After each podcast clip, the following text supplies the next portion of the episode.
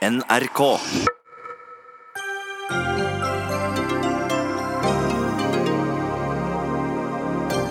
Amerikanere, vit at det er voksne i rommet. Det skriver en høytstående ansatt i Trump-administrasjonen i et anonymt innlegg som forteller om en stille motstandsgruppe i Det hvite hus.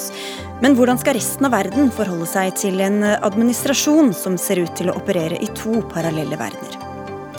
Høyre kan ikke beholde kontantstøtta og ha noen troverdighet i arbeidslinja og likestillingspolitikken, advarer Unge Høyre. Men moderpartiet vil ikke høre på det øret. Den mest klimafiendtlige maten får mest pengestøtte fra staten. Hvorfor skal ikke forurenser betale når forurenseren eier en gård? Og politiet opplyste og pressen viderebrakte promillenivået til Vibeke Skofterud da hun forulykket. Unødvendig og respektløst, mener kritiker.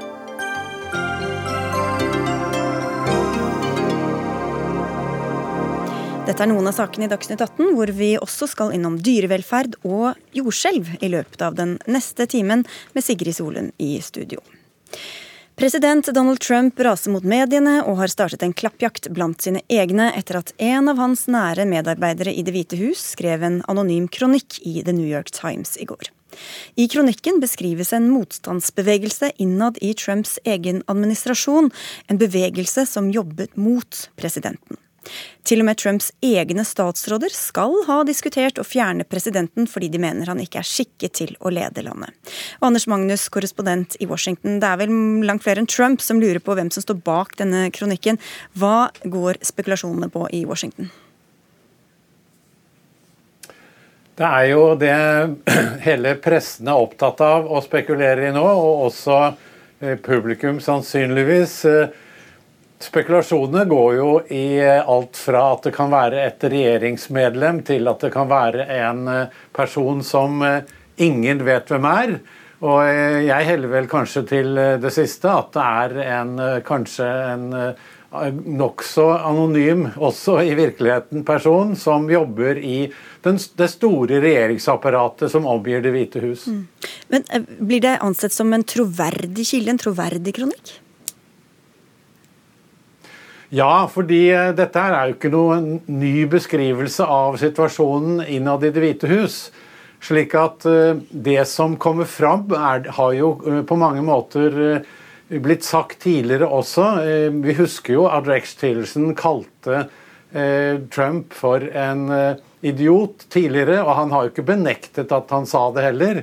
Og vi har jo fått beskrivelser både i boken til Michael Wolff, 'Far and Fury', og også nå kommer jo denne boken til Bob Woodward, eh, 'Fair', eh, hvor det står mye av det samme som det som blir gjengitt i dette, denne kronikken. Og hvor det er et lite flatterende bilde som tegnes av Trump. Hvordan har han reagert selv? Han har blitt sint, eh, naturlig nok. Både fordi det er, som du sier, nokså stygt bilde av han som tegnes, men også fordi han ser på dette som feigt og forrædersk, og det har han jo for så vidt rett i. Det er mange også på demokratisk side som mener at denne personen burde stått fram med fullt navn. Og det er også mange på demokratisk side som frykter at dette kan bli en bekreftelse for mange av Trumps tilhengere på at den såkalt dype staten, altså et statsapparat som motarbeider presidenten, virkelig fins. Og skulle denne representanten, eller denne eh, forfatteren av dette, denne kronikken ha noe som helst med demokratene å gjøre, eller være en eh, fra det republikanske establissementet før Trump, så er det klart at de får dette bekreftet. Og navnet kommer jo sikkert fram før eller siden. Vi skal følge opp det her i studio også og spekulere litt, eh, vi òg. Eh, og til det har vi Våre Nalme, du er skribent på amerikanskpolitikk.no. Halvor Notaker, historiker med moderne amerikansk historie som hovedvelt. Og Anders Romarheim, forsker ved Institutt for forsvarsstudier. Hvem tror dere står bak kronikken? Jeg, jeg, tror i hvert fall ikke man skal ta for gitt at det er noen sånn som det var mange som lot seg rive med til å kanskje si før i dag, at det er noen i Det hvite hus, det er noen nær Trump. Vi kan ikke vite det. Så det er, nummer én må være å vite at dette er bare vill spekulasjon uansett. New York Times er kjempenøye med å si bare dette er en senior administration official, en høytstående person i regjeringsapparatet. Det kan være en eller annen statssekretær i Helse- og omsorgsdepartementet som har gått lei, eller, eller kanskje noe mye større? Eh, jeg tenker at New York Times har gjort noe veldig nytt og uvanlig og stilt seg åpne for kritikk ved å publisere en anonym kronikk, og at de ikke ville gjort det hvis det ikke var en veldig høytstående person. Mm.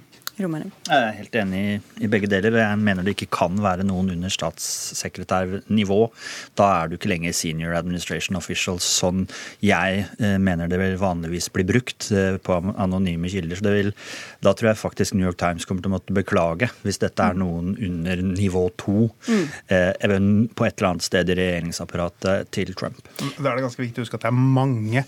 Ja. Vi syns vi har mange statssekretærer i Norge. De har mye flere. Det er masse statssekretærer for alle alle avdelinger. Mm. Uh, så, så, så de, de, vet sikkert ikke hvem alle sammen er selv engang.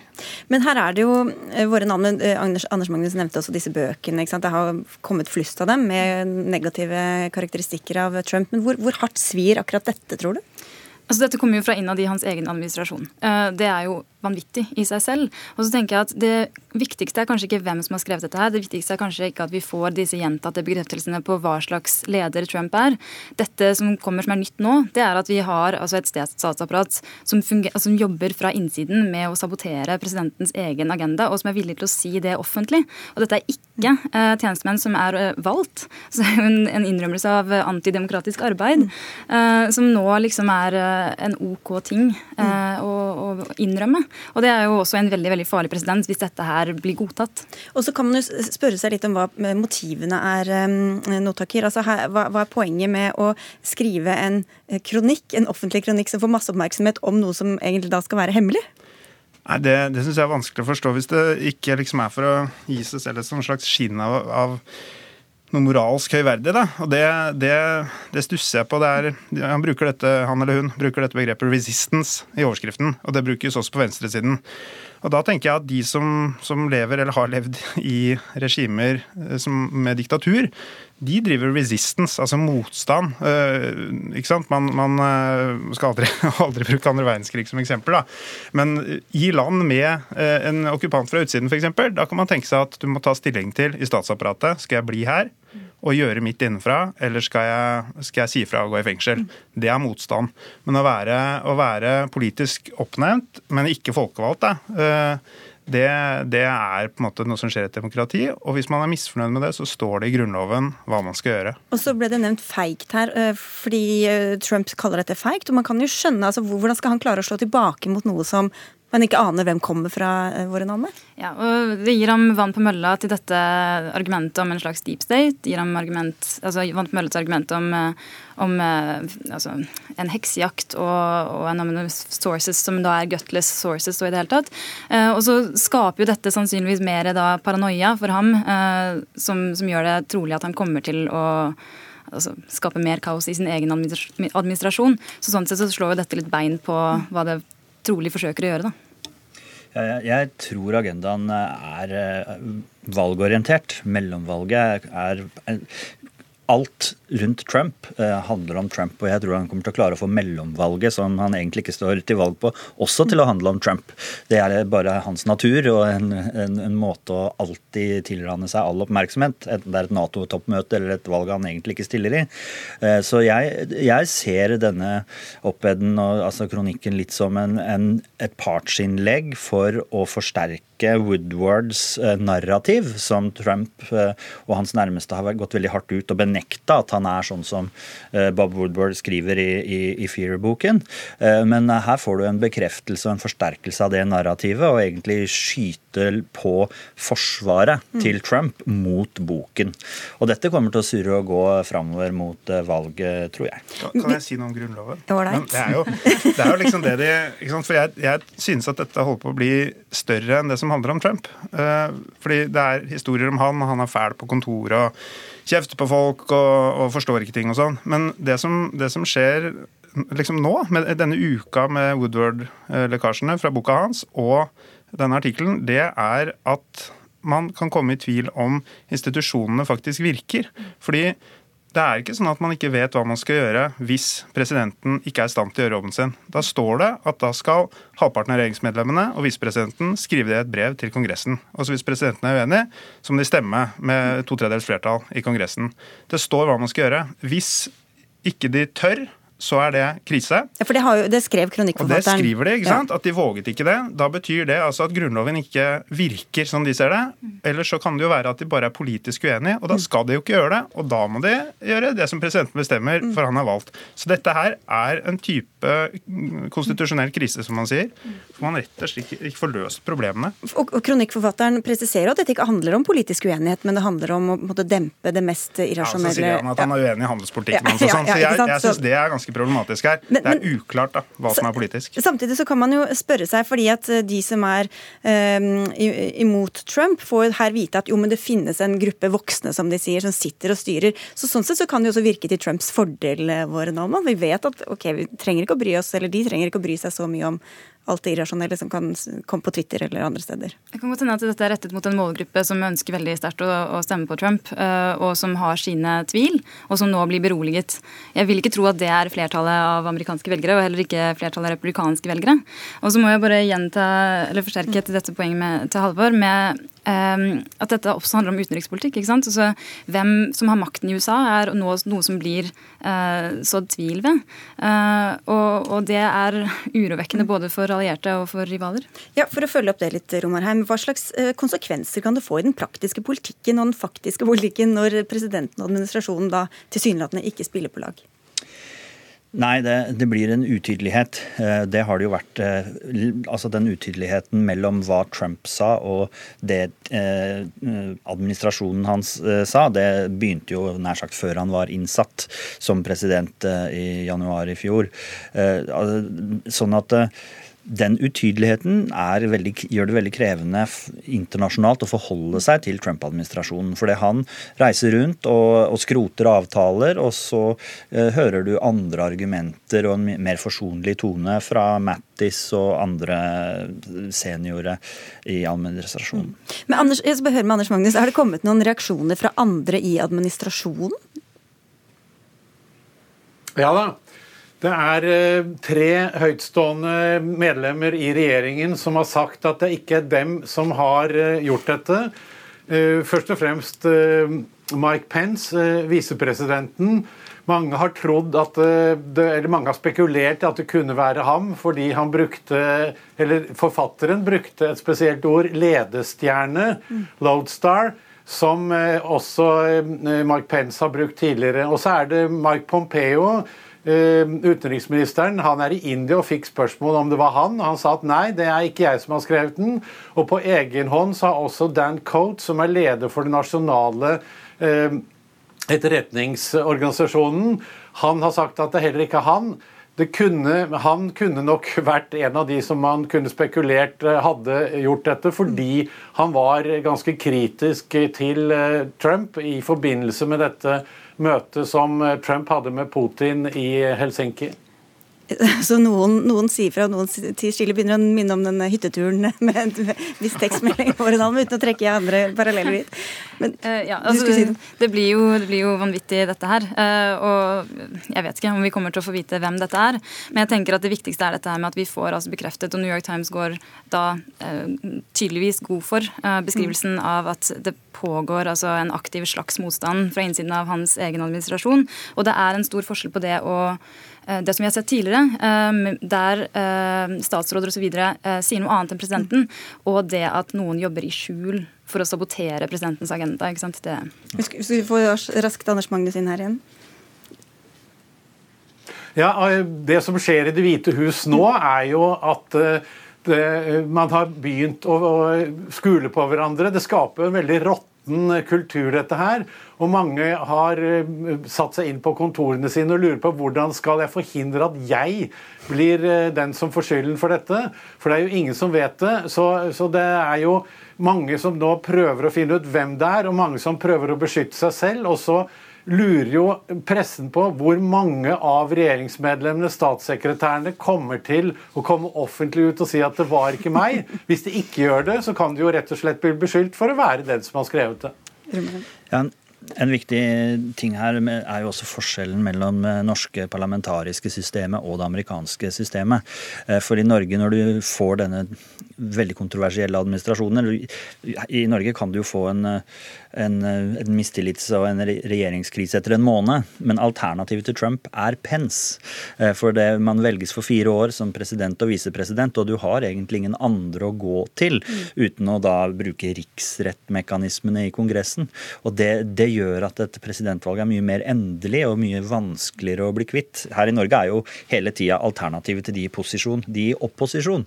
Men det, det er ikke sånn det, det, amerikanske politiske systemet fungerer. Derfor blir det når du får en president på kollisjonskurs eh, med sitt eget Hvite hus, sin egen administrasjon og hele den politiske kulturen, det blir veldig krevende. Jeg tror vi setter strek for dagens Trump-runde og, uh, ser om det kommer noe mer uh, i morgen. Takk skal dere ha, Anders Romarheim, som er forsker på Institutt for forsvarsstudier, Senter for transatlantiske studier, skribent på amerikansk politikk.no, Vårin Alme, og historiker Halvard Notaker. Og takk også til Anders Magnus med fra Washington. Dagsnytt 18 alle hverdager klokka 18.00 på NRK P2 og NRK2. Er du opptatt av at kjøttet du velger i butikken skal ha hatt et greit liv som levende dyr? Nå vil Dyrevernalliansen gjøre det enklere for forbrukeren å velge dyrevennlige produkter. Denne uka ble det kjent at organisasjonen starter et dyrevernmerke med støtte fra Rema 1000. Live Kleveland, kommunikasjonsleder i Dyrevernalliansen. Hvorfor trenger vi dette dyrevernmerket i tillegg til de ganske mange andre merkeordningene vi har fra før av?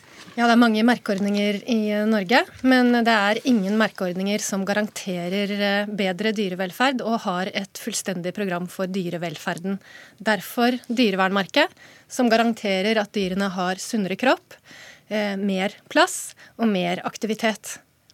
Så det å kjøpe f.eks. økologisk kjøtt, eller at det står et bilde av bonden som koser med grisen sin, det holder ikke for å vite at eh, her er det noen som har hatt det greit? Når det gjelder det biomerket, så har både Dyrevernalliansen og Vitenskapskomiteen eh, gjennomgått kriteriene og undersøkt om de gir en garanti. Eh, det gjør de dessverre ikke for andre dyreslag enn verpehøns, var konklusjonen til både Vitenskapskomiteen og Dyrevernalliansen.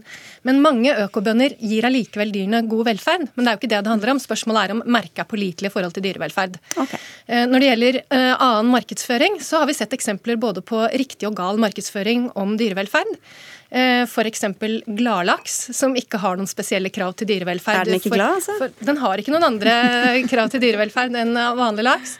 Eh, men et annet eksempel er jo Hubbard-kylling, eh, som er en, en, kylling som har bedre velferd og sunnere kropp enn vanlig kylling. Og som selges av deres nye samarbeidspartner. Det gjør den også.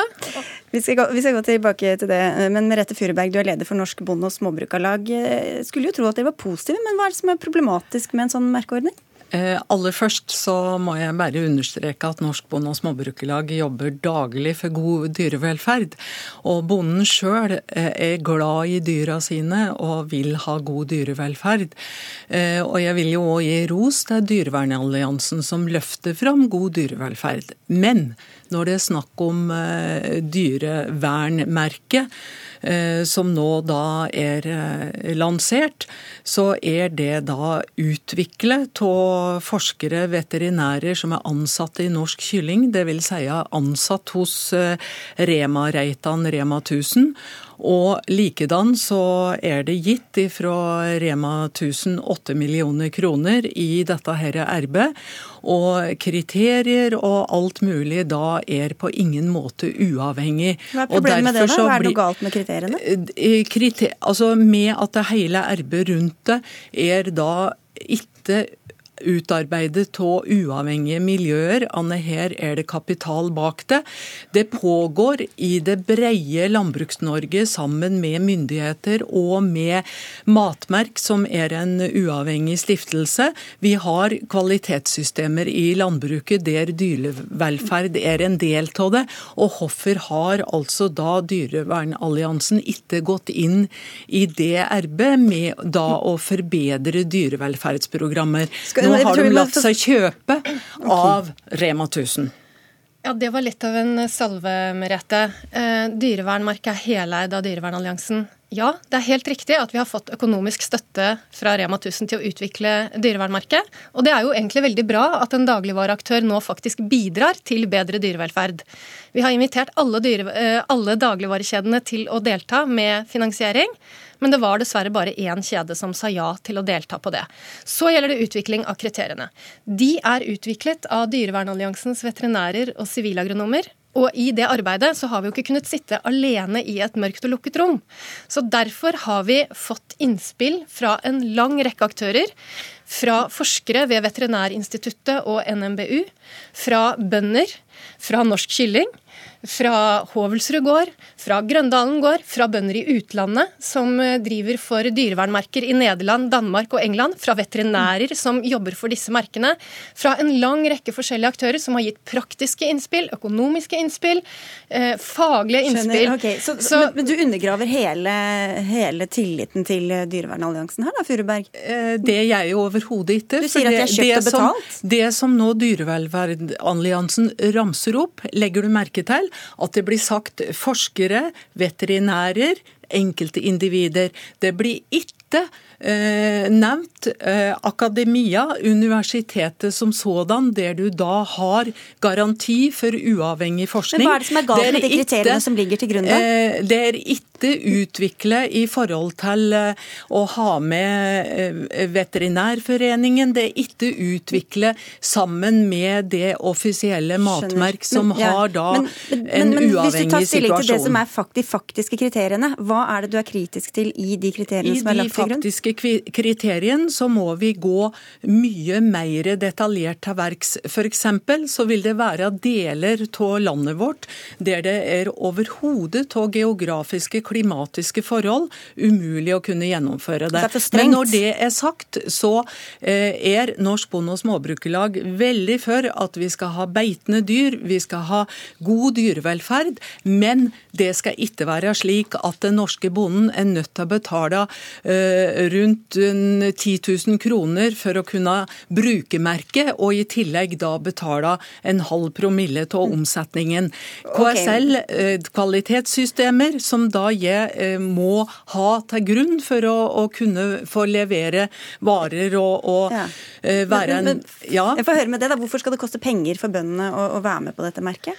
Nå er det sånn at de pengene vi har fått eh, hjelp fra Rema til å utvikle merket med, de varer jo dessverre ikke for alltid. Så vi er nødt til å finne andre måter å drifte en merkeordning på, og det er kostbart.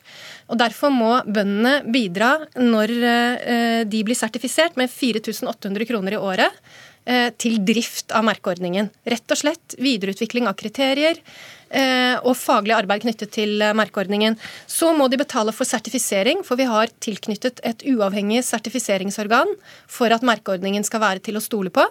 Og den inspektøren må ha betalt. Det koster eh, rundt 6000 kroner. Og da blir det en sum som bonden må betale. Dette er en relativt liten sum som vi tror at de fleste bønder skal klare å betale, og vil utgjøre en liten del av finansieringen. Kanskje bidra til å selge mer kjøtt, Furuberg. Og så kan da stille spørsmål spørsmål. Hvorfor er nødt nettopp eh, det sertifiseringsfirmaet eh, Baltic Control eh, verd. Det er et multinasjonalt system og et selskap. Et selskap er jo òg da private interesser.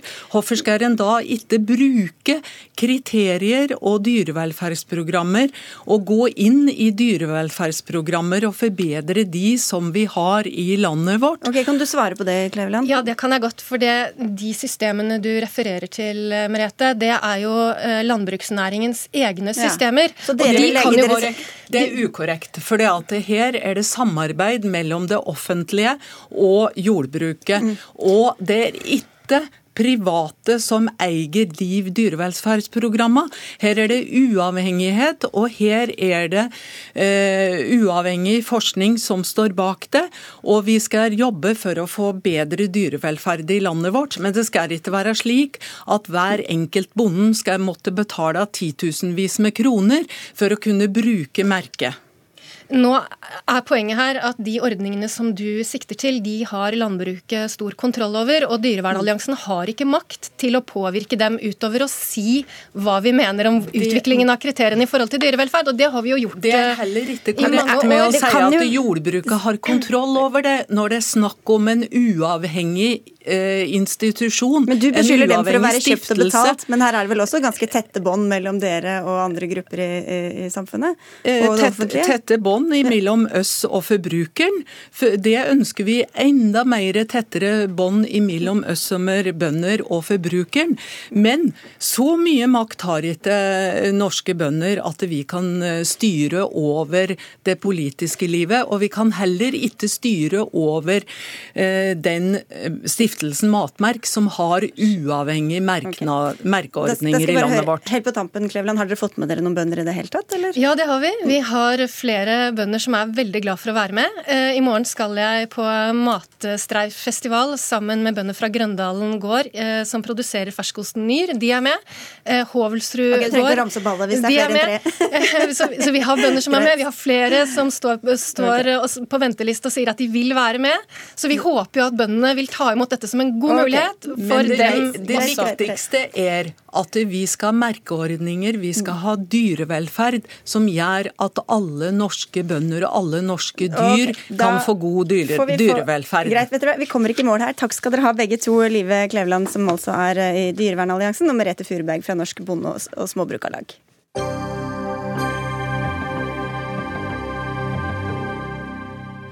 Denne uka fikk vi vite at langrennsløperen Vibeke Skofterud hadde over 0,8 promille da hun omkom i en vannskuterulykke tidligere i sommer. Men var det egentlig informasjon vi trengte å få, som politiet måtte opplyse om og pressen nødvendigvis skulle dekke? Forsvarsadvokat Jon Christian Ellen, du har vært kritisk til eh, disse opplysningene fra politiet, men hvorfor skulle de ikke informere om dette? Nei, Det er helt unødvendig. Og For å starte med det som har med dannelse å gjøre. Jeg har lært at man ikke snakker stygt om de døde, og det er et godt utgangspunkt. Eh, nå er det også slik at politiet har taushetsplikt eh, om opplysninger de kommer over i etterforskning, som f.eks. promilleresultater, måleresultater for rus og andre ting. Slik det skal altså en veldig spesiell og god grunn til for at de kan bryte taushetsplikten. Eh, og det foreligger ikke mot en død person. Ja, har det vært ulovlig det de har gjort, er det det du sier? I beste fall er det et grensetilfelle. Det er, det er i strid med taushetsplikten, og så kan man gjøre unntak fra den hvis det er slik at det er nødvendig av hensyn til folkeopplysning. Eh, det er det ikke. Det er min nokså klare oppfatning av dette. Jeg hadde en tilsvarende sak i Høyesterett for eh, når syv år siden, eh, og hvor Høyesterett la til grunn at opplysning om et måleresultat av rus til en pårørende var brudd på taushetsplikten. Så clouet her er jo at saken aldri har vært prøvd for retten, og den kommer heller aldri til å bli prøvd for retten, så hun får ikke forsvart seg. Verken politiet i Agder eller Politidirektoratet ville være med å snakke om det. Men du har jo også antydet at det kunne vært noe uh, feilaktig i den informasjonen som er kommet? Ja, jeg har jo vært i en rekke rettssaker hvor man har hatt obduksjoner av eh, avdøde personer. Eh, og det som veldig ofte obdusentene sier når man kommer til dette med alkoholmåling, er at den alkohol som er målt i den prøven de har foretatt, ikke er representativ for hva som var promillen på tidspunktet hvor man døde. Eh, og Det er en sånn fin latinske begrep som ikke jeg skal gå inn på, men som gjør at det kan være vesentlige endringer. Så de har vært med på obduksjonsrapporter hvor det har stått at man har hatt en promille på 2,0, hvor man altså knapt hadde drukket noe i det hele tatt. Så det er klart at det, det sier ingenting, det tallet. Og da blir det enda mer misvisende når eh, folket får et inntrykk av at hun kjørte i beruset tilstand uten at man vet det. Men så er det dette med folkeopplysningen. For det er jo sånn at promille på sjøen er et reelt problem. Og senest denne sommeren så var det en ekspertgruppe som foreslo å ha obligatorisk rettsmedisinsk obduksjon av alle som dør i trafikkulykker. Så hvorfor ikke være åpen her i en, en sak som har fått så mye omtale, på at her er det et stort samfunnsproblem? For statistikkformål så gjør man det. Eh, og Veidirektoratet hadde jo også en slik undersøkelse. Mm. De kom til at 13% eller da en, mellom én til to ulykker i året i trafikken var basert på alkoholinntak. Og det er klart at Som statistikkformål så er det viktig, men å gå ut med en enkeltperson i form av pressemelding, det syns jeg er hårreisende. Tora Bakken Håndlykke, du er nyhetsredaktør i VG. og Én ting er jo hva politiet opplyser om, men mediene står jo selv ansvarlig for hva de bringer videre. Hvorfor var dette dette noe dere ville skrive om? Først og fremst må vi si at den saken her, det har jo vært en av sommerens mest omtalte eh, hendelser. Og det har jo eh, i veldig stor grad handla om en hyllest da, til den offentlige personen som Vibeke eh, Skofterud da faktisk var. Eh, så er det sånn at eh, Når en sånn hendelse skjer, så politiet starter sin etterforskning, og veldig tidlig så er det mange opplysninger som kommer fram. Så det kommer fram altså, rundt værforhold, man reiser kritikk rundt redningsarbeidet osv. Og, så og tidlig så kommer det også fram at hun har vært på en fest. Og siden ulykka skjer, så opplever jeg at det har vært mye spekulasjoner rundt om alkohol har vært en del av bildet. Eh, og eh, Vår jobb er jo å belyse saken eh, breiest mulig. og Da mener jeg når politiet går ut med den opplysninga her, så syns jeg det er relevant for saken. Og Ifølge politiet i Agder så var det i samråd med familien at dette skjedde, Elden. Så da er det familiens ønske da, at det skulle ut? Nei, Jeg har lest pressemeldingen på en annen måte, også det fra familien. De sier at de er orientert av politiet om at de kommer til å gå ut. Men for god ordens skyld, eh, hun var faktisk en voksen person, slik at heller ikke de pårørende kan oppheve den taushetsplikten. Kristina Grefsrud Halvorsen, du er tidligere journalist og jobber nå som kulturformidler. Du sier at det var unødvendig og respektløst fra pressen å publisere dette. Hva var det du reagerte på? Jeg reagerte både på at politiet i det hele tatt går ut med denne infoen, det syns jeg er helt unødvendig. Og så reagerer jeg på at media offentliggjør den informasjonen. For det er jo som dere var inne på, eller du var inne på, at eh, pressen har jo ingen plikt til å videreformidle det som, som eh, politiet kommer med i en pressemelding. Det er en, en egen presseetisk vurdering som tas i sånne tilfeller. Og eh, i denne saken så syns jeg faktisk at både politiet og media trådte feil. Her har vi en, en familie i dyp sorg og andre pårørende også. Og dette her er etter eh, min vurdering ikke egnet til noe særlig annet enn å strø salt i såret, og det er jo veldig lite skånsomt, for å si det mildt. Og her har vi også da en eh, person som er omkommet. Dette er jo en tragisk sak, og vi snakker om, om omdømmet også til, til Vibeke Skofterud. Vi vet jo ikke engang om det var en promille som førte til denne kollisjonen. Det er politiet helt klare på. Det kan like gjerne ha vært andre forhold, f.eks. At det var dårlig vær og sikt, f.eks. Eh, og vi er jo eh, selvfølgelig helt enig i at eh, dette er en utrolig trist hendelse. Vi har den største forståelsen for at er at opplysningene kan være veldig belastende for for de pårørende. Og jeg har også sett at når vi har skrevet om saken, eh, så vekker det, eh, vekker det veldig sterke følelser. Hvis du går inn i kommentarfeltet på, på sakene våre, så ser vi jo det at det har gjort det. Og så handler det om for vår del at dette er en viktig nyhetshendelse. Eh, og da eh, handler det om å få fram, eh, få fram, hva som har skjedd. Det er jo det viktige journalistiske spørsmålet som vi stiller oss. Hva er det som har skjedd der? Og det er jo ikke sånn at dette er unikt heller i dekninga vår knytta til denne saken. Vi gjør det. Du kan bare gå til denne uka her, ut på nå, så ligger det en sak om, om ulykka på, på Rjukan, trafikkulykka der. Hvor et sentralt spørsmål er selvfølgelig hva har skjedd? Jo, man sier Havarikommisjonen går inn og ser. Eh, at det kan ha vært noe med bremsene. Mm. Men, eh, men, men, her visste vi jo eh, La meg bare si også for skams skyld at dette var ikke bare VG, det er jo mediene rundt Baut, NRK mm. inkludert, som, mm. som, slo opp dette. Um, men tror du at publikum altså Man visste jo at hun hadde vært på fest. Tror du folk forventet å få vite nøyaktig promillenivå, at det var noe som skulle komme ut? Nei, men jeg tror det kan bidra til å dempe spekulasjonene.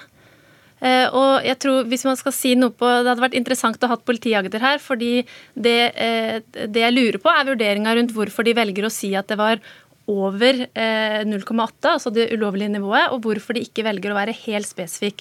Fordi jeg tror at gjennom åpenhet, og hvis de hadde vært mer konkrete i den saken her, så kunne det faktisk bidra til å redusere alle de spekulasjonene som har vært rundt den saken. Så det dere har viderebrakt, har jo egentlig da bare økt spekulasjonene, da? Eh, nei, jeg tror de spekulasjonene har vært der egentlig fra dag én. Eh, og så tror jeg at det er viktig at det, Altså, Vi tar en selvstendig vurdering. Når politiet går ut med den meldinga, så er det vårt ansvar hva vi bringer videre. Mm. Og Vi mener at det her var helt relevant, eh, viktig og relevante opplysninger for å belyse saken. Vi skulle også gjerne hatt politiagder her, men de ville jo som sagt eh, ikke. Men eh, Grefsrud Halvorsen, dette var jo altså snakk om en offentlig person. Det var en sak som fikk mye oppmerksomhet. Vi visste allerede at hun hadde vært eh, på fest da hun, da hun kjørte. Hvorfor skal man ikke fortelle sannheten? Jeg syns i dette tilfellet her så snakker vi om en person som har omkommet. Det, det jeg lurer på hvem det tjener å gå ut med denne informasjonen. Det syns jeg er et sentralt spørsmål. Og så er det mange som, som har uh, kommet med argumentet om at dette her er viktig i forhold til allmennpreventive hensyn. Altså å, å, å, å, unngå at dette skjer igjen. Men det forsvarer jo ikke en sånn uh, voldsom offentliggjøring. Uh, jeg mener at det selvfølgelig ikke er greit å, kjøre uh, verken til lands eller vanns med promille. men hadde jeg vært redaktør, så hadde min publikasjon ikke trykket denne informasjonen om Vibeke Skofterud, men heller satset på Hvis det hadde vært en ukjent person da, en ukjent person som døde, skulle man heller ikke da skrevet i notisen at der var det promille involvert? Ja, jeg har jo dekket ulykker i min uh, tidligere karriere som journalist, og hvor vi har diskutert dette her, og hvor vi også har valgt å ikke uh, trykke informasjon om promilleinntak. Av ja, selvfølgelig hensyn både til den som har omkommet og de pårørende. Mm. Men hadde jeg vært redaktør, så ville jeg heller satt et kraftigere fokus på trafikksikkerhet til sjøs. Både med tanke på promillekjøring og mørkekjøring og i grunn motorferdsel generelt. For det mener jeg ville vært både mer allmennpreventivt effektivt mm. og samtidig skånsomt overfor pårørende i dyp sorg. Ok, Elden også håndlegg til slutt. Jeg synes kanskje NRK gikk rett i fella her nå når du sier at det er viktig å som måtte være sannheten. For det er jo problemet her. Vi vet ikke hva som er sannheten. Fordi at det som er avgjørende interessant, det er jo sånn sett kjørt inn med promille. Eh, det vet vi ikke. Dette resultatet sier oss ingenting om det. Jeg har hatt obdusenter på tråden som har vært veldig glad for at jeg har tatt opp denne problemstillingen, og som kommer til å vegre seg for å gi politiet slike resultater eh, fordi at de misbrukes. Obdusenten sier altså ikke noe annet enn hva som er målt på det tidspunktet eh, hvor de foretok måling på en avdød person. Det sier ikke noe om hva som var promillen da hun kjørte. Og Til motsetning for hva som skjer i en rettssak, hvor man altså kan få frem dette i åpen rett og eventuelt få full dekning, så får man altså nå bare denne enkeltstående opplysningen som er misforstått. Som dere kanskje har vært med på å sverte en person handler uten å egentlig vite hva som har skjedd? Jeg vil jo da si at Når politiet går ut med de opplysningene på den måten som de gjorde, eh, hvordan hadde det stilt seg hvis et samla norsk pressekorps ikke eh, hadde brakt de opplysningene videre, men snarere tvert imot undersått det? Da håper jeg for så vidt at jeg hadde sittet i den stolen her da også. Du får være, ja, ja, men Dere er hjertelig velkomne tilbake en annen gang. Ja, takk skal dere ha i hvert fall for at dere kom denne dagen. Tora Bakken Håndlykke, som er nyhetsredaktør i VG, John Christian Elden, advokat, og Kristina Grefsrud fra Tønsberg, tidligere journalist.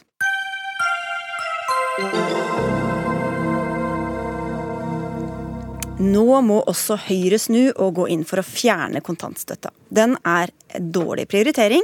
Den holder flere kvinner hjemme og hindrer integrering og barns utvikling. Beskjeden kommer ikke fra Høyres politiske motstandere, men fra partiets egen ungdomsorganisasjon, og fra deg, Sandra Bruflot, leder i Unge Høyre. I en serie i Dagens Næringsliv ble du bedt om å utfordre moderpartiets leder Erna Solberg, og da valgte du dette. Hvorfor mener du det er så viktig for Høyre å skrote kontantstøtten? Jeg mener det er flere grunner til det. Eh, det første er at jeg mener det er feil å betale friske voksne mennesker i sin mest produktive alder å være hjemme med barn i stedet for å være i jobb. Og så mener jeg også at kontantstøtten rammer noen av de som kanskje aller mest trenger eh, det arbeidslivet gir, nemlig nettverk, språkopplæring, eh, integrering og alt dette, nemlig personer med innvandrerbakgrunn. Jeg syns også det er veldig synd at det da er disse barna som kanskje også er de som trenger å være i barnehage mest pga. sosiale ferdigheter og språkferdigheter, som er hjemme med ofte mor i stedet for å være i barnehage. Så det er noen av grunnene til at jeg mener den bør skrotes. Og Bakgrunnen her er vel litt at eh, Erna Solberg også sa at dette er en sak som Høyre vil beholde, selv om ikke det var for Kristelig Folkeparti, som gjerne er den som måte er kontantstøttens eh, eier. Eh, Kristin Ørmen Johnsen, du sitter på Stortinget for, for Høyre. Hva sier du til kritikken?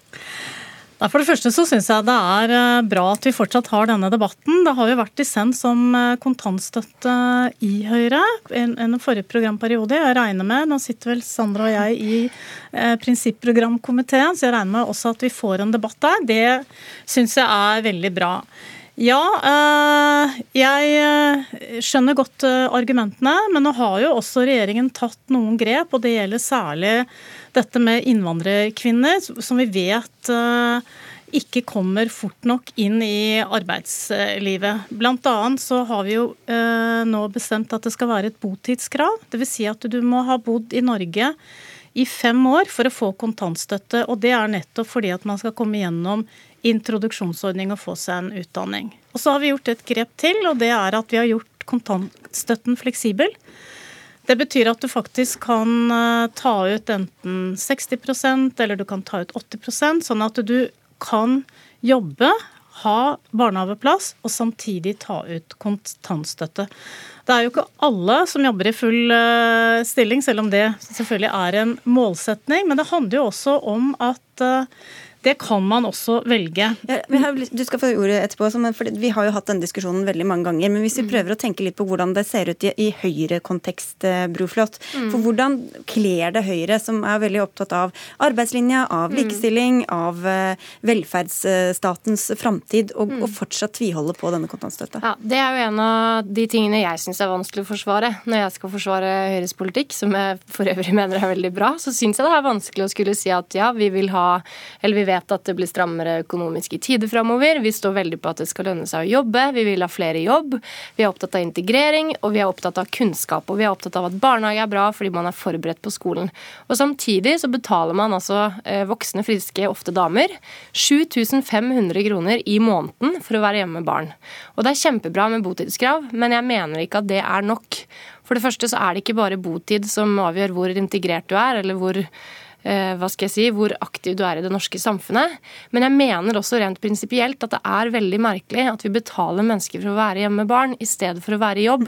Og spesielt fordi at det rimer ikke med alle de andre tingene vi står for i partiet Høyre. Jeg tenker at uh, for det første, hvis du begynner å snakke om økonomien, så er det jo langt mm. billigere med en uh, kontantstøtteordning i Jeg må jo understreke, dette handler om elleve måneder, det er ikke elleve år.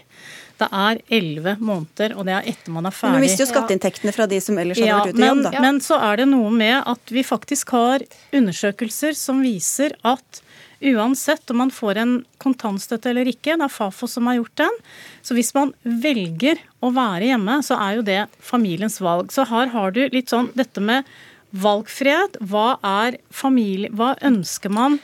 Man får sitt barn hjemme, og da, hvis man da ønsker å være hjemme, så tenker jeg det er riktig at man da vil få en en eh, kompensasjon for det. Som gir valgfrihet for noen, da, de som ja, har råd til å ta Hvis du ikke gjør det, så er, betyr det at det er kun de som har god råd, som vil ha muligheten til å være hjemme. Men de som da ikke har god råd, de vil da både miste kontantstøtten og ikke være okay. i arbeidslivet. Med den logikken så kunne man jo ha kontantstøtte til man begynner på skolen, hvis det kun handler om valgfrihet.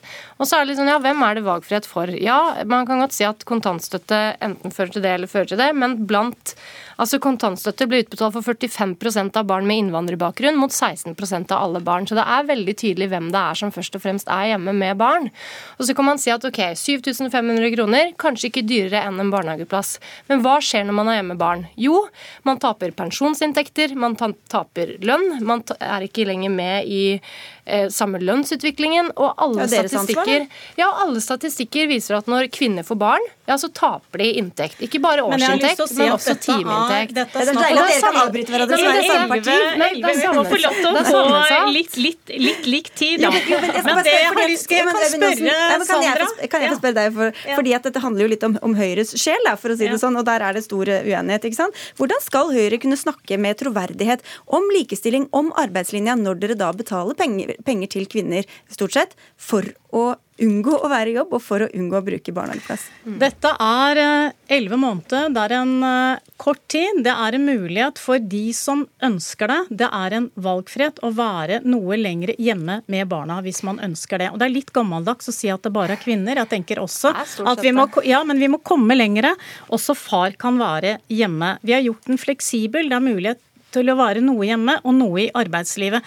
Og Jeg tror det er litt naivt å tenke at hvis man bare fjerner denne kontantstøtten, så vil liksom strømmen av innvandrerkvinner komme ut i arbeidet. Så enkelt er det ikke. Det er mange andre tiltak som skal til. Og jeg syns det er litt trist da at kontantstøttedebatten blir en integreringsdebatt. Jeg tenker at dette mm. handler om et valg du har, om du vil ha barnet ditt. For det, det, var det jeg ville spørre deg om. Mener du at barnehage skal være obligatorisk? Hva med de som faktisk Det mener jeg ikke. Ik nei. Jeg mener ikke at barnehage at... skal være obligatorisk, men jeg syns det er veldig rart å betale noen for å ikke benytte seg av barnehage, som er et offentlig velferdstilbud. Da, la meg få mm. siste spørsmål her også, Bruflot. fordi Vi vet jo at det er mange som ikke føler at barna er klare til å gå i ja. barnehage fra de er ett år ja. gamle. Og Hvis dere skal spare inn, hvorfor skal det absolutt gå utover de sårbare ettåringene? Nei, altså, Kontantstøtten har du fram til barnet ditt er to år. og Hvis du så får enda et barn, for eksempel, ja, så kan du være hjemme enda lenger. fordi det er vel ingen krav til at du må være kunnet et barn. Men det er jo barna som må lide, da, hvis de ikke Jeg klarer at, å gå i barnehagen. Vet du hva? Ingen skal ha dårlig samvittighet for å velge å være hjemme lenger med barna. Og ingen skal ha dårlig ja, ikke alle samvittighet har ikke råd til det heller. Nei, fordi ingen skal, eh, nei, for dette er det viktige.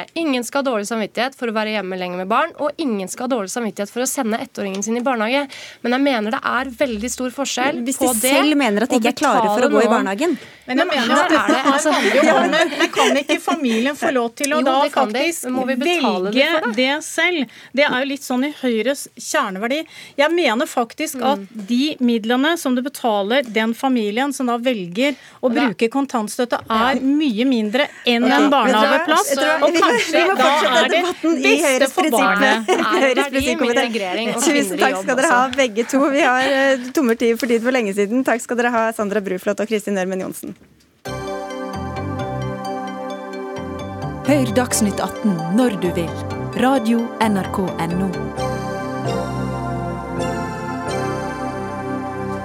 For nå skal det handle litt mer om dyr. Den minst klimavennlige maten som lages i Norge, får aller mest i pengestøtte. Det ble vi fortalt i gårsdagens utgave av Folkeopplysningen på NRK1. Vi snakker om norsk storfe- og lammekjøtt, som utgjør bare 8% av kaloriinntaket vårt, men som står for omtrent halvparten av klimagassutslippene fra landbruket. Og Anja Bakken Riise, leder i Framtiden våre hender, du ble ganske oppgitt over det du så på TV i går. Hvorfor det? Ja, altså det er jo paradoksalt at når vi på alle områder av samfunnet jobber for å redusere utslippene, eh, og det gjør vi bl.a. ved at vi belønner den atferden vi ønsker mer av, altså kutte utslipp, som f.eks. i elbilpolitikken, mens vi skal sørge for at forurenser betaler. Det er et viktig prinsipp på alle områder av eh, samfunnet. Mens i landbrukspolitikken så er det helt motsatt. Altså 95% av landbrukssubsidiene går til husdyrsproduksjon. Og det er altså den produksjonen som både er minst sunn for oss, altså hvis vi skal følge norske kostholdsråd, eh, og det er den minst bærekraftige. Så vi mener at vi må vri landbrukssubsidiene, sånn at vi istedenfor belønner den produksjonen vi vil ha mer av, av hensyn til helse, av hensyn til klima og miljø, eh, og sørge for at det lønner seg for bønder å produsere mer potet, mer korn og frukt og grønt. Tom Christer Nilsen, du er stortingsrepresentant for Høyre. Hvor er logikken i at den maten som fører til eh, mest klimagassutslipp, skal få mest pengestøtte? Logikken ligger vel i at det er flere mål i norsk landbrukspolitikk enn klimamålet. Og Et av de målene vi har med norsk landbrukspolitikk er at det skal, vi skal ha hele landet i bruk. Og Mange steder i, i dette landet så er det ikke noe godt alternativ til det å drive husdyr, husdyrhold. Så her trumfer distriktspolitikken klimapolitikken. Eh, I hvert fall så er det flere hensyn samtidig. Men samtidig så skal jeg si at eh, landbruket er faktisk et av de områdene hvor vi har redusert klimautslippene. Og de ligger i dag eh, 10-12% under eh, nivået fra 1990, og det er det ingen andre sektorer som gjør egentlig. Så sånn sett så skal en, skal en ikke skyte for hardt på, på landbruket. Samtidig så er det to forutsetninger rundt det resonnementet som blir dratt opp her. Det ene er at for at det skal um, ha noe virkning, så må vi da spise mindre kjøtt. Det er nummer én. Eh, Og det andre er at vi da, vi da klarer å, å legge om eh, eh, forbrukervanene på, på den måten. Eh, Det er jeg ikke så sikker på vi gjør, og det er i hvert fall helt sikkert at det er ikke noe klimagevinst i å importere Nei, mer La oss ta det med Bakken Riise. Hvordan vet du at vi, at vi kjøper mindre kjøtt hvis eh, prisene går opp, og ikke bare importerer mer fra andre deler av verden som kan gi høyere utslipp? Kan jeg først bare klare opp i noe? Fordi Han henviste til et tall her, at klimagassutslippene fra landbruket har gått ned rundt 12% Det var et tall som ble brukt i landbruksmeldinga, men etter bedre tall har kommet på plass, og man har telt opp antall dyr eh, mer nøyaktig, så har vi sett at eh, utslippene fra landbruket kunne ha gått ned litt over 4% fra 1990. Så det er, en, det er viktig å ha med seg. Samtidig sier Miljødirektoratet, kom en beregning i, i 2014, at vi må redusere kjøttforbruket med 18 eh, for å komme oss fram til de målene vi har satt oss eh, for. Altså Det, de, det er det ideologiske, men hva tror du er det praktiske? Hva tror du nordmenn hadde gjort hvis prisene gikk opp? Hadde de spist mindre kjøtt, eller hadde de importert mer? Eh, Det er to forskjellige det Spørsmålet har to deler, og det ene handler om pris. Det er klart at pris på kjøtt er helt avgjørende for eh, hvor mye kjøtt vi spiser. I dag er det sånn at prisene på kjøtt har stupt, mens forbruket har økt. Dette henger sammen. Derfor tar vi også til orde for et forbud med salg av mat med tap. Grunnen til at vi gjør det, er fordi at i dag så bruker butikkene, dagligvarekjedene, kjøtt som lokkemiddel for at vi kunder skal dra og kjøpe tre pakker pølser for prisen av to. Det gjør at vi spiser og kjøper mer kjøtt enn det vi ville ha gjort hvis det ikke hadde vært så billig. Og det gjør i praksis at grønnsaksspiserne sponser kjøttspiserne fordi at det er eh, grønnsaksspiserne som må betale mer for sine varer enn det kjøttspiserne Man, må. man kan jo spørre hvordan det er med denne produksjonen og tilbud og etterspørsel her, Nilsen. For i fjor husker vi at 120 tonn subsidiert sauekjøtt ble sendt med avdragsfritak til Afghanistan. Og i Ja. forrige uke kom nyheten om 1 million kilo sauekjøtt på billigsalg som fôr til norske pelsdyrfarmer. Hva sier det egentlig om hva vi satser på her i dette landet?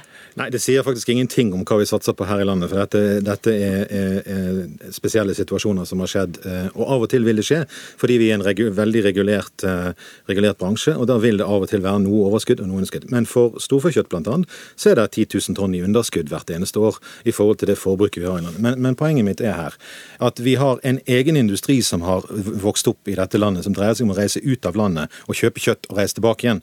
Fra min del av landet så tar folk båten til Danmark. Fra Sørlandet gjør de det samme. Og eh, hvis du går på Nordby storby i Sverige og forsøker å snakke svensk til noen i helgen, så er det, så er det stort sett eh, norsk du får, eh, du får, i svar.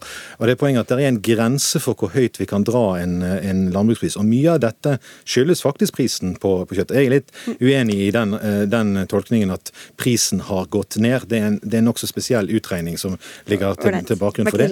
Altså, altså kjøtt har blitt nesten 45 billigere siden 1979, mens prisen på bl.a. korn og sjømat har gått opp rundt 19 15 Regnet hvordan? Fordi at prisen er faktisk høyere. Det du må ha gjort da, er du må ha regnet i forhold til inntekt. ja, og det, og det, det, gjelder også, Ja. gjelder også dongeribukser, og det gjelder alt annet. Altså, vi har hatt en, en realvekst i, i inntektene i Norge. Ja, Ja, men relativt sett så bruker vi veldig mye mindre på mat enn i veldig mange andre land. Ja, det gjør vi, men det er fordi vi har hatt en reallønnsvekst. Og den reallønnsveksten har vært bra for alle. Og det betyr at vi har fått, eh, vi har fått eh, flere goder og flere Ikke, ikke for klima, tror jeg Bakken Riise tenker her. Men, Nei, det tror, jeg, det tror jeg kanskje at eh, hun tenker. Men, Men, men, men høre med Bakken Riise for Tidligere i sendinga snakket vi om dyrevelferd. Og da vet du at eh, gjerne den største industrien, altså kyllingproduksjon f.eks., vanlig kyllingproduksjon og svineproduksjon, som gir minst klimagassutslipp, er de som har de dårligste klima, nei, dyrevelferden. I motsetning til sau og kyr, som kanskje generelt har det litt bedre. Så hvordan skal vi klare å Når det er så mange hensyn å ta? Ja.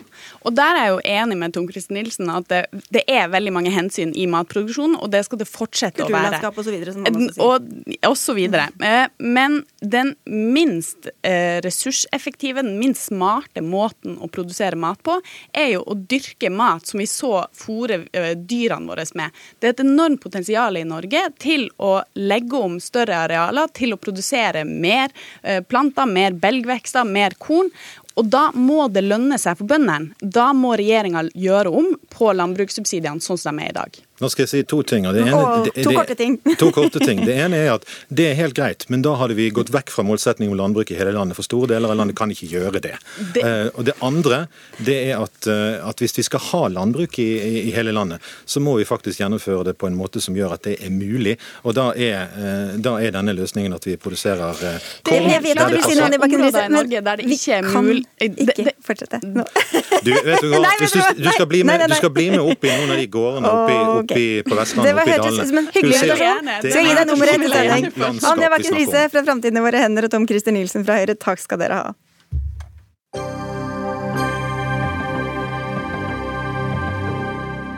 Er du skjelven etter å ha sett katastrofefilmen 'Skjelvet' som går på kino akkurat nå? I filmen rammes landets hovedstad av et stort jordskjelv. Høyhus og kjente hotellbygninger i Oslo sentrum raser. Slottet blir most, og Ekebergsletta bølger og sprekker opp. Alt er fiksjon og filmtriks, men kunne det skjedd i virkeligheten? Forskningsstiftelsen NorSAR har en rolle i filmen, og stiftelsen finnes også i beste velgående i virkeligheten. Men nå får forskerne kritikk for å bruke filmen til markedsføring av egen virksomhet, som bl.a. er å følge med på risiko for jordskjelv. Det har du skrevet en kronikk om i Aftenposten, Reidar Müller. Du er geolog og forfatter, og hva er det du tenker på da? Nei, Jeg tenker det er problematisk at eh, Norsa bruker den filmen til eh, markedsføring. at eh, ja, det kommer til å komme et skjelv i fremtiden i Norge, det, eller i Oslo-området. Det, det kan vi ikke se bort fra. Men når, det, når de da trekker fram eh, katastrofescenarioene i filmen 'Skjelvet' i samme åndedrag, så synes jeg det er problematisk. Og det du da viser til også, er jo en eh, kronikk i Dagens Næringsliv, hvor du, Anne Strømmen Lykke, direktør ved forskningsstiftelsen NorSAR, bl.a. har skrevet at katastrofen kan bli virkelighet. Men hva er egentlig sannsynligheten for at dette skal skje på ordentlig? Vi, vi er jo et institutt som jobber med i utgangspunktet atombombeprøvesprengningsovervåkning, og bruker den teknologien også da til å se alt som gjør at jorden ryster, deriblant jordskjelv. Og det vi må huske på når vi snakker om dette, det er at eh, Fantefilm har laget en film for underholdning og ikke en dokumentar. Og det er jo eh, en god sannsynlighet, eller en viss sannsynlighet, som eh, Müller sier, for at det kommer jordskjelv i Oslo. Og det som filmen har tatt inspirasjon av, var jo et jordskjelv i 1904 på 5,4. Det var Den tiden var det et helt annen by enn det vi har nå, og det skjelvet var 100 km syd for oss og lagde fremdeles skade det scenarioet filmen viser, er jo underholdning. Og eh, det er jo langt utenfor hva som er sannsynlig. Men det vi påpeker, det er at det er jevnlige jordskjelv i Oslo-regionen. Og vi vet ikke, som uh, Müller også vet, sier, det er ikke godt å si når, når, det kommer nye og hvor store de er. Ja, få høre på Müller. Ja. Okay. Så, ja, ja, det har vært et jordskjelv. Det kan, det kan skje igjen, Müller. Ja, det kan skje igjen. Og, og det, det, har de helt, det har også Lykke helt rett i, og Norsar. Uh, men, men, det problematiske for meg er et sånn, uh, dette scenarioet i, i, filmen som er totalt urealistisk. Jeg så jo den filmen i går underholdende eh, på mange måter. Men, men, men eh, de, de, scenene i den filmen er så langt unna det vi kunne forvente, og da syns jeg det er litt eh, litt på kanten. da, mm. At den filmen er brukt bl.a. i den kronikken du henviser ja. til, og også plakater som er eh, du kan se langs Rådhuskaia. Jeg vil bare sitere litt, denne, litt, mer fra denne kronikken. Dere skriver at vi vet at verken Stortinget eller Slottet vil tåle et stort jordskjelv i Oslo, og spør hvordan det vil gå med gamle sykehus og redningssentraler, og skriver vil de stå når skjelvet kommer? Vi vet ikke. Vi vet at skjelvet kommer ikke bare på kino. Hva slags bilde er det dere lager når dere kobler denne filmen opp til, til disse scenarioene? Det vi, det vi, bruker filmen til, og som Reidar Müller har helt rett i, det er at vi har jobbet i ganske mange år sammen med Rådgivende ingeniørers forening og Standard Norge for å få oppdatert jordskjelvrisikokartet for Norge. Det har vi ikke greid. Nei, For dere ber om penger samtidig med at dere beskriver dette? Til, ja, å, til å, kunne kartlegge? Vi ber om penger for å kunne kartlegge og for å kunne bidra til å gjøre Norge til et litt sikrere samfunn, fordi vi tror at er, kunnskap er viktig. Kunnskap om jordskjelv er viktig. Det er ingen liste eller oversikt over jordskjelvsikrede offentlige bygg i Norge. Det er ingen myndighet som har ansvaret Men spørsmålet, spørsmålet, Du svarer ikke helt på hva slags inntrykk er det dere etterlater når dere kobler til denne filmen og skriver på den måten de sitatene som jeg også kom med? Vi, har, vi, etterlater det inntrykket at det er viktig å øke faktagrunnlaget rundt disse problemstillingene i Norge. Det er det etterlatte inntrykket vi ønsker å oppnå. Er du enig, Miller?